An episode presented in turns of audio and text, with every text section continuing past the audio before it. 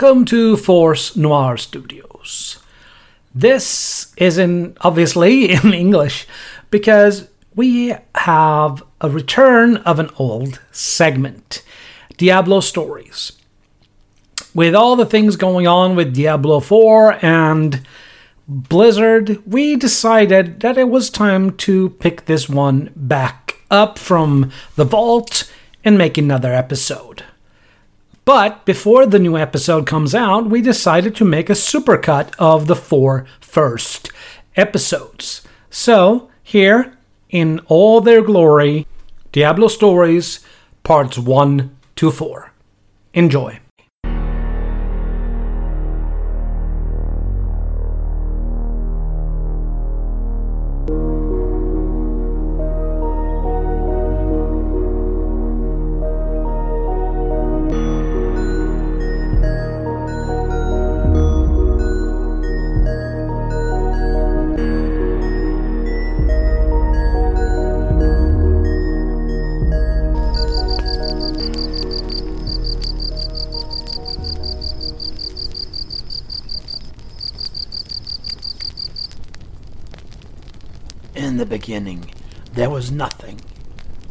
Nothing at all.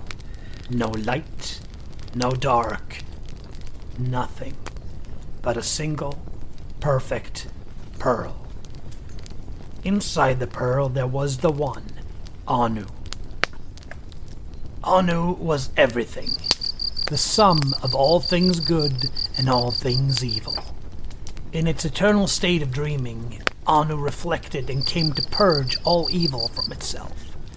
The evil that was cast off assembled into the beast, the dragon Tathamet. With his seven heads, he breathed darkness and death, the singular prime evil. Now separate beings, Anu and Tathamet were still bound together within the pearl. For ages they battled in a clash of good and evil, each the other's equal, None of them gained the advantage. Then, their powers both spent, they both delivered their final blow, and the pearl exploded. The explosion gave birth to the entire universe stars, knowledge, all that which is unknown. In the center of it all lies pandemonium, a scar left behind of the universe's violent birth. At its center, the heart of creation, the eye of Anu, the world stone. It is the foundation of everything, all places and times, untold possibilities, a nexus of all the realities. All that is left of Anu and Tathamet are the bedrocks of what we know as the high heavens and the burning hells. The spine of Anu came to rest far out in the darkness. There it cooled and formed into the crystal arch. It was around this crystal arch that the high heavens formed. The crystal arch gave birth to the angels, beings of sound and light. Tathamet fell to the lower, darker places of reality, his rotting flesh creating the burning hells. His heads rose as seven evils, three prime evils, and four lesser evils. They rule the burning hells and the murderous demonic hordes it spawned. This is how it was in the beginning, before man. As time went by, the warriors of heaven and hell met and clashed. The battles were never ending and was named the Eternal Conflict. The thing they fought over was the World Stone.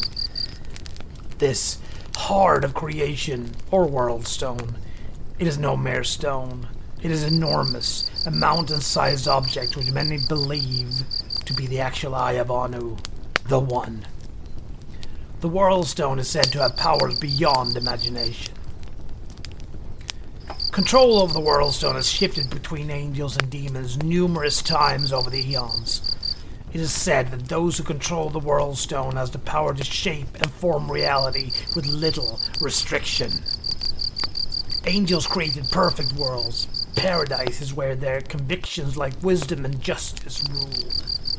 The demons' worlds were nightmares filled with terror and destruction. These worlds were all flawed and therefore withered and died. One of the angels, Tyrael, the Archangel of Justice, gave orders that a fortress was to be built around the Worldstone. This stronghold came to be known as the Pandemonium Fortress. As control over the Worldstone shifted, so did control over the fortress. Long ago, a host of angels and demons that had grown tired of the eternal conflict, led by the angel Inarius and the demoness Lilith, seized the Worldstone and hid it from both heaven and hell's view. Together, they created the world of Sanctuary, a paradise where Inarius, his angels, and Lilith with their demons could live free from the eternal conflict. Sanctuary is the mortal world, our world, created by both angels and demons. The day Sanctuary was created, the eternal conflict changed. The prize heaven and hell had fought over for millennia, the world stone, was gone. Both sides suspected the other, suspicions that soon was cast aside as it was realized that something else was happening.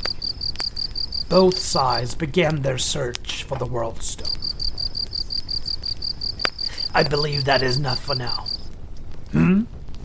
You want to hear another story? Next time. Next time, I will tell you about the burning hells, its grave evils, heaven, and its angels.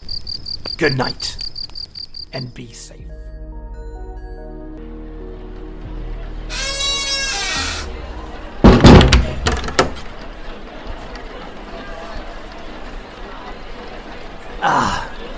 I see you have found me again. I take it you want to hear another story. Well, alright. Where. Where did we end last time? Oh, yes. Heaven and hell had begun searching for the World Stone. Today, my tale will be about the burning hells. You see, not all hellish beings in our world are of hell.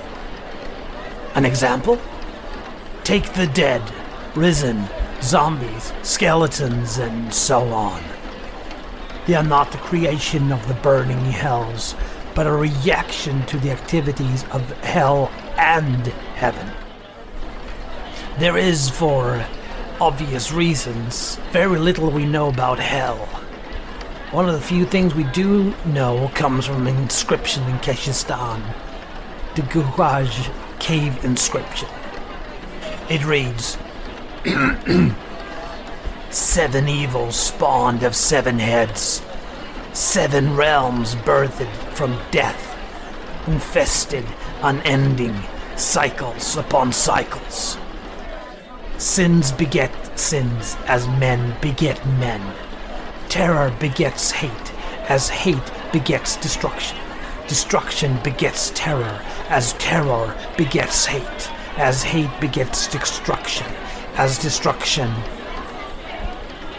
it is said to be unreadable at this point, but it seems to repeat many times. So, what does this tell us? To answer that, we must look closer at the three prime evils of the burning hells. They are Al Diabolos, Diablo, the Lord of Terror, Torbalos, Baal, the Lord of Destruction, Dul Mephistos, Mephisto, the Lord of Hatred. We know, unfortunately, most about the youngest of the three brothers, Diablo. Diablo is the source of all mortal fears, the nightmare that has us awakened in sweat. He, if a gender can be affixed to such a beast, is pure malice and evil, he is, if such a thing matters in hell, the youngest of the three prime evils. He is creative and far-sighted, perhaps most so of all the evils. He is said to be cunning, patient, and some would even say ambitious, as all he does is to try and spread his terror, be it short or long term. His greatest gift is that he can see into his victims' heads, see their worst fears, and use said fears against them. So, what does his realm look like? According to knowledge taken from demons, it is the realm least populated, as very few demons can stand the torment. It is empty and lonely, full of scenes of fear, darkness, and surprise. To even catch a glimpse of these sights is to invite despair into your very soul. Baal, the Lord of Destruction, might seem as easy as the three to understand as he enjoys the utter destruction of everything and everyone in the world, including the world itself. Due to this, one might think that Baal is a brute. According to what is whispered, this is just not true. He is just as cunning as the other two. Baal's part of hell is carnage incarnate. He breeds demons only for the joy of destroying them. In the heart of his realm lies the Hellforge. It's the only source of creation in the realm, and those unlucky to have seen it report that great weapons are created with the Hellforge. The Lord of Hatred, Mephisto, is said to be the leader, if there is one, of the burning hells. He excels at playing his two brothers against each other, often by giving them a chance to pursue their, their ambitions. As a side note, Mephisto has two children, Lucion and Lilith. He hates them both just as much as he hates everything else. It may, might be this hate that caused his daughter to rebel and be drawn to the angel Inarius.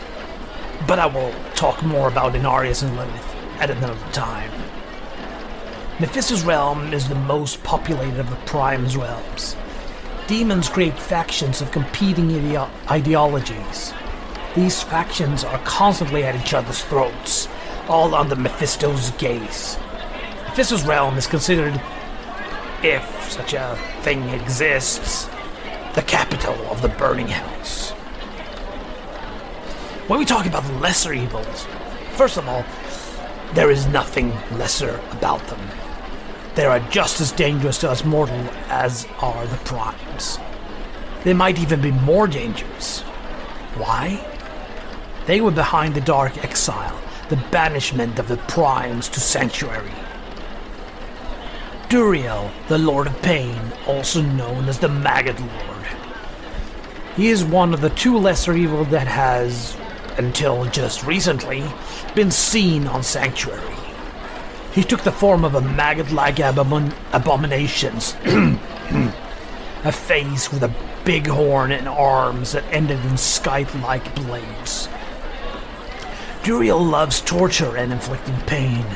The screams of agony from his victims give him pleasure on almost a sensual level. Unlike his sister Andariel, he does not care about mental anguish at all. According to third party writings, if no victim is around, Duriel will inflict pain upon himself. His realm is one full of torture devices and torture chambers, not unlike those in our world. Duriel loves spending time in his realm where he enjoys the painful screams from his thousands of victims. Andariel, the Maiden of Anguish. She might be the most sadistic of all the evils, as well as the only female one. Physical pain does not interest her, but emotional anguish. Nothing gives her more pleasure than letting her victim's own inner agony tear them apart. Before the Dark Exile, she was a close confidant to Diablo. Generally, her state of being has been scri- described as being in a constant state of ecstasy. She hates isolation, and she lives on the suffering of others. Like a moth to a flame, she is drawn to war and conflict, always moving, seeking out despair in those who are weak against her. Manipulation. Her realm is said to be a place of guilt, self loathing, and regret. Those who have found themselves in her domain has given themselves over willingly to Duriel's domain, so that the torment would end. Azmodan is the Lord of Sin. He is described as clever, manipulating, always plotting, passionate, and both of those to dangerous lengths. Of all the evils, he is the most seductive and charismatic. Azmodan always takes extreme pleasure in all he does. He loves vice in all its forms, but most of all, he gets gratification from the failure of others. A master of temptation, he revels in making those who hold fast to their principles betray them. He sees into the heart of others, seeing their heart's desire. Sin is an interesting thing as it is very wa- rare for one of us humans to set out to commit sin. Sin is a web we are drawn into. Azmodan's realm is a seductive one. At first, it would not appear dangerous or disgusting, but rather a harem full of tempting food that would give away to a table full of rotting foods.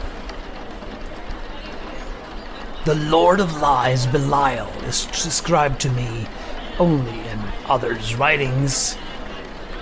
It is said that Belial believes that perception is reality, and he has made it his goal to dominate it. Never lying for the sake of it. Rather, Belial uses lies to control others' perception of what is real. Belial loves the moment when his victim realizes he has been duped. The moment of pure betrayal. Luckily for us, the Lord of Sin, he is often trapped inside his own temptations and illusions. His realm, according to Vizjerei writings, first appears to be a paradise, full of greens and animals. Though, if we went deeper into this garden, seeing that the beauty is only skin deep in a temptation, making us go willingly into a trap. It would turn out to be full of torture and horrors. All too late, we will realize that our perception has been twisted.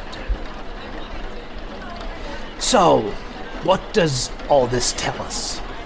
First of all, like I said before, the lesser lesser evils are no more dangerous than the primes, perhaps even more so dangerous. Also, all of the evils have been defeated and set free again. But we must never forget what is written. Man's pleasures give way to pain. His truths are buried in the shroud of lies. It is this time when hell shall reign, while all of man dies. I think I have scared you enough for now. Next time I will spin a tale of the angels and high heavens. Be safe and be careful. We meet again, my friend. Take a seat. Would you want something to drink? No? Very well. How about a new story? I believe I promised to tell you about the high heavens and the angels. Let me start with the Crystal Arch. Some believe that this is the spine of Anu, the One. Its shimmering surface is made of more diamonds than one can count and brilliance that is hard to describe. The ark hums with music, a vibrant tune that is believed to be the remnants of Anu's essence. Streaks of bright light shoots off in perfect timing to the ark's music. Sometimes these lights come together to form new angels. If they are truly born of the ark, as some believe. It would make sense of their need to seek harmony with their own kind. According to what I've heard, angels can only be birthed at times when the high heavens are in perfect harmony. How often that is, I cannot tell you. There has been time, according to scripts I have read, that there has been times of disharmony, but if this prohibits angels to be birthed, I do not know. In other words, do not take the description of the crystal arch literally. However, there is something that both the mystics of Aranoch and the priest of Skovos agree on, and that is an echo of the high heavens can be heard at the height of meditation.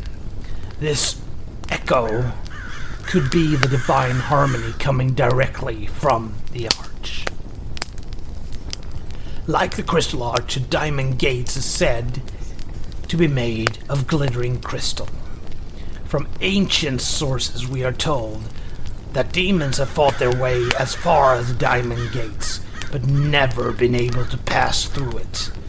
If this is true, then it means that no enemy of heaven has ever made it to the Silver City. The Diamond Gates are guarded by the elite warriors of the Heavenly Host. I have never seen the High Heavens, but I've met Deckard Cain, and he has personally met an angel, Tyrael. Tyrael is one of the archangels on the Angiris Council. They say that they are living embodiments of the virtues of Anu. They are in no way like us. They are not made of flesh and blood. They don't age and die as we do. To break it down, angels are divine essences of sound and light, harmony at its purest form. They are, in a way, very abstract to the point where even their armors are more to give a sense of individuality. Certainly, they provide protection as well, otherwise, why wear them? The wings are, I have heard, a magnificent spectacle to behold. They are tendrils and matter made purely of light, a true manifestation of the angel. The wings look very unique, one of the best ways to distinguish one angel from another. Although I am not sure leadership exists in heaven the same way it does for us. The leader of the Angiris Council is Imperius. The Archangel of Valor is the commander of the warrior host of the high heavens. A brilliant tactician, he knows all about the battlefield, from maneuvering armies to covert strikes.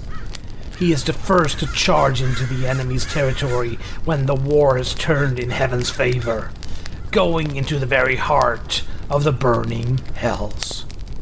His bravery is without match, even in the face of defeat. He meets any opponent head on, always the first to come storming out of the Diamond Gates when the armies of the Burning Hells attack. His weapon is Solarian, the Spear of Valor. It is said to have been forged in the heart of a dying star. Imperius does not carry Solarian with him at all times. He seems to summon it from somewhere, it appears as a ray of blinding light that materializes as a physical spear. Imperius seems to have one flaw, and that is his pride. It is this pride that has time and time again set him on a collision course with Tyrael, the Archangel of Justice. The Archangel of Fate is named Itherael. All of the Archangels believe in that all things are written. Some call it fate, some call it destiny. Itherael has a unique ability in the fact that he can read the writings of fate. None of the others, not even Imperius, dares to try. Itherael seems to always favor a balanced view of things. His loyalty is without question. He is described as somewhat aloof those who know say that Imperius often has tried to learn the outcome of the internal conflict from Itherael. Itherael's view on the outcome seems to be a positive one, but from what is known, he has never shared the ultimate fate of the never ending war between heaven and hell. It would seem as Itherael is closest to Auriel, the Archangel of Hope. Not only can Itherael predict the outcome of battle before it has happened, he can also slow time. No one seems to know if this is literal or not. The thing that Itherael studies to get his knowledge is the Talus'ar, the Scroll of Fate. It is a single scroll, but the content of it changes depending on what information Itherael seeks. What makes this at all possible is the vast number of crystals he has in his library of faith. The gems are said to be shards of the crystal arch. Something that is a bit troubling is the fact that the Itherael seems to be unable to see the faith of the Nephilim, our ancestors, in the scroll. The reason for this is that they are not of a natural creation. I will speak more of this when I tell you about the creation of Sanctuary, our world. The most loved of all the angels is Auriel, the Archangel of Hope. As the most light-hearted of the council, she often is the one to stand between Imperius and Tyrael when they come to blows. Auriel believes that everything, every being, has potential for good in them. She is in no way a pacifist. She recognizes that strife is a natural part of this broken universe we all live in. What sets her apart from the others in the council is that her unique ability to see harmony in anyone and anything in any given situation. In her mind, victory for one side does not mean defeat for the other. In the middle of the darkest night, dawn is approaching. Auriel has in her possession Al Maesh, the Cord of Hope. She can use this to drape it over someone's shoulders to give them clarity of emotion and thought. The serpentine ribbon is a manifestation of Auriel's positive qualities. In battle, it can be used to burn through the ranks of her enemies. Tyrael is most likely the angel most know of. As the Archangel of Justice, he is the most rigid of all angels. He is firm in his belief in order, laws, rules. In ages past, he has held fast to one duty securing victory for the high heavens in the eternal conflict. His victories in battle is legendary. Wielding Eldruin, the Sword of Justice, he carries out swift judgment on his enemies. Eldruin is said to be able to cut through anything or anyone. There's exception to this. It cannot harm any being that has righteous intent. Tyrael is considered to be something of a renegade by the rest of the Angiris Council, as he has spoken out in our behalf on a few occasions. He sees potential for selflessness and heroism in all of us humans. Tyrael sacrificed himself in the events that caused the World Stone exploding, taking half of the mountain Arreat with it. In this, Eldruin was lost to Tyrael, and it was taken up by a mortal who was able to use it, until Tyrael has managed to rebuild himself and took ownership of Eldruin again. The most mysterious of the council is Malthael, the Archangel of Wisdom. He used to be noble and intelligent, but has, before the events with the Black Soulstone, been described as evasive, melancholic, and even frightening. This could be because he's seen the truth in all things. Malthael can see untold numbers of emotions and experiences connected to the universe, which is where his wisdom comes from. The sage Furisai wrote, In all things, there are two sides motion and stillness, emptiness and fullness, light and dark. Alone, each side is incomplete, but together they form the totality of existence. Only through embracing the oneness of all things can true wisdom be obtained. This might explain M- Malthael's demeanor. Malthael can be slow to take action, but his insight is revered by the other angels. Rarely want to speak. When he does, others around him stop to listen. It has also been said that he seems to have darkened over time. We see, again, the contrast that is Malthael. Slow to anger, he has still played an important role in the eternal conflict. Wielding his double scythes, he can deflect any blow with minimum force. Malthael's insight is said to come from Chalad'ar, the chalice of wisdom. This is no mere cup, not in the way that you and I would picture it. It is said to contain a living light that can never be extinguished. Looking into Chalad'ar, at times for years on end, Malthael sees the web that connects everyone and everything. From what I understand, it was a creation of our world, Sanctuary, that darkened Malthael's mood. Could it be that the birth of the Nephilim, our powerful ancestors, somehow it clouded Malthael's sight into wisdom? Not long after the World Stone's destruction, Malthael disappeared. The interesting thing is, there is a prophecy that states, Wisdom shall be lost. It could easily be a sign of the end of days. Malthael was lost for a long time, suddenly appearing and taking possession of the Black Soul Stone. What he intends to use this for I cannot say, but it can't be anything good.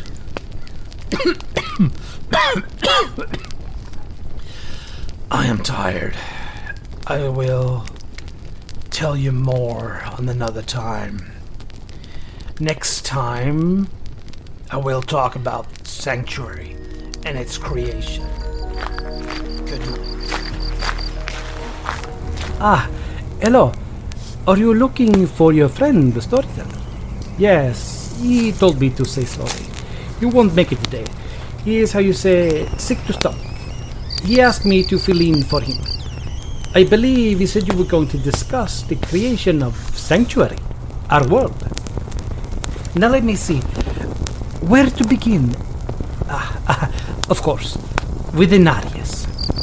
Inarius was an advisor to the Angiris Council working under Tyrael's command. After eons of battle in the eternal conflict, Inarius came to the conclusion that the conflict was unjust and that his part in it had to end. He sought out others that shared his view, and it is now that something incredible happened. Not only did other angels join his cause, but also demons. While wounded on a broken outpost of the Pandemonium fortress, Inarius met the demoness Lilith, he had suffered his father's Mephisto's wrath for millennia and had sought a way to rebel. Now, something very peculiar happened. Combatants in the eternal conflict laid down their weapons and formed a union. In the midst of all this, Inarius and Lilith fell in love. This would come to alter the course of the war and reality Lilith and Inarius pledged themselves to the other and to escape the eternal conflict. They gathered their followers and started out to seize control of the world stone. Now, this next part, I do not know how much is fact and how much is fiction, but it is said in the books of Kalan. Inarius and his new companions altered the frequency or dimensional alignment of the world stone using its power to conceal it from the angels and demons still fighting in the eternal conflict. They shifted the massive crystal into a pocket dimension, and there they shaped a garden paradise around it, a world of refuge they would call Sanctuary. To protect the Worldstone, Inarius shaped Mount Arreat around the Worldstone, and then the rest of the world we know today was formed. This would change the eternal conflict in its core, the fight over ownership of the Worldstone became the search for it. What happened next is possibly the most important event in human history. Inarius and Lilith mated and created offspring. It is written in Druidic ancient tome Scéal Fada. And alas, we are our fathers and mothers, alike and yet opposite. One decay and the other light. Indeed, the union of the angel and demon created a third essence, and we are those children. We are the Nephilim. We exist as half angel and half demon, yet fully a new entity. And because of our lineage, they loved us. And because of our difference, they feared us. Within the trembling balance between love and fear is the relation of us to our fathers and mothers. Do you realize what this means? We humans are a product of a merging of angels and demons. This is the reason for our dual nature. We are capable of so much good, but also really depraving acts. The mating of Inarius and Lilith were unimaginable, but it was only a start. In time, other angels and demons were drawn together as well. The first generations of Nephilim are known as ancients. We believe that they traveled the world, seeking to understand this world they had been born into. As they traveled, they started following different philosophies, some coming up with new ones. We know of some of all these ancients by name. Bul-Kathos was incredibly strong, very tall, how you say, big size. He was brave and had great fortitude. He's still today revered by barbarians from the area of Mount Arreat. They seem to all hail from this ancient since they embody his traits of size, strength, tenacity, and iron will. Bul-Kathos had a younger brother named Vasily. One text, a myth, tells that Vasily was frustrated and set out into the wilds. There, he developed an affinity for nature. His descendants are the Druids. Esu, a female ancient, was drawn to the ferocity and power of the elements. She learned to control and master the powers of storm, earth, fire, and water by meditation. Her followers were to be known as the sorceresses of Kehjistan. Then there is Rathma. He was a solitary being that sought out the deep caverns and hollows of the world. He studied the cycle of life and death, teaching this to those that was willing to come to his underground habitat. The Rathma was the patron of necromancers, valuing the balance of light and dark above all else. There are tales of Rathma having the appearance of a writhing serpent. Myth or reality, we will never know. We do not know how many of these ancient that existed. There could have been thousands or tens of thousands of them, possessing powers we cannot wrap our minds around. In any case, the powers these ancients possessed had a strange impact on those that had spawned them their angelic and demonic parents. The renegade angels and demons realized that their offspring was far more powerful than they were. They made them uneasy. The Nephilim could become a threat to them, and there was also the possibility that they would bring the attention of heavens and hells. In the eyes of the heavens and hells, the Nephilim was the ultimate blasphemy. The renegades were convinced that they and their offspring would be destroyed if sanctuary was discovered. This sparked a conflict. Many, both angels and demons, argued that their offspring should be destroyed. Some argued that they should be spared. This argument troubled Inarius, so he called for a time of reflection. His followers agreed and went into solitude to reflect on the matter.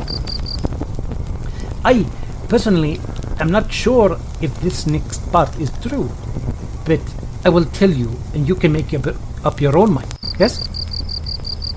I read from a text that was found uncatalogued in Caldeum's great library. Lilith, the first mother of the Nephilim, was driven into a mad frenzy by the threat of her children's extinction. She morphed into a far more horrific, fo- horrific, pardon, horrific form that any had ever seen, of tooth and claw, of spike and blade, and hunted down her fellow renegades. He ruthlessly murdered each and every follower of Inarius, leaving only him to discover the carnage he had wrought.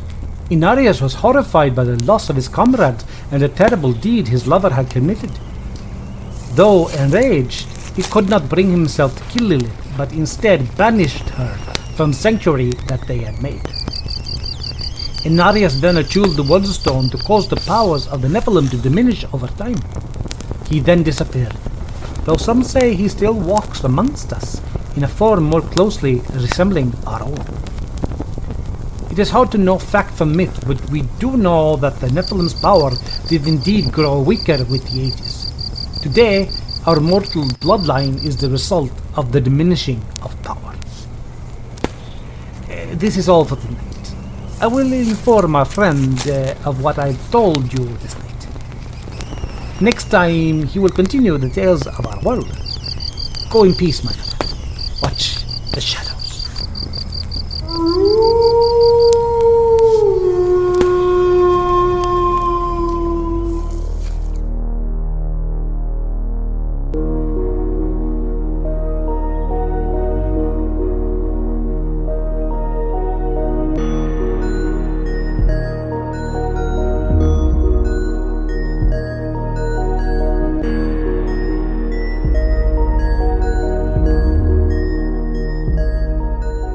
Thank you for listening on today's episode. All music is made by Imaginary Stars Production. Sound effects from freesound.org. You can find us on social media Facebook, Force Noir Studios, Twitter at studios underscore noir, Instagram, Force Noir Studios, mail, forcenoirstudios at gmail.com, and the Instagram and mail names are one word. Take care of yourself and we will be back soon. Stay tuned.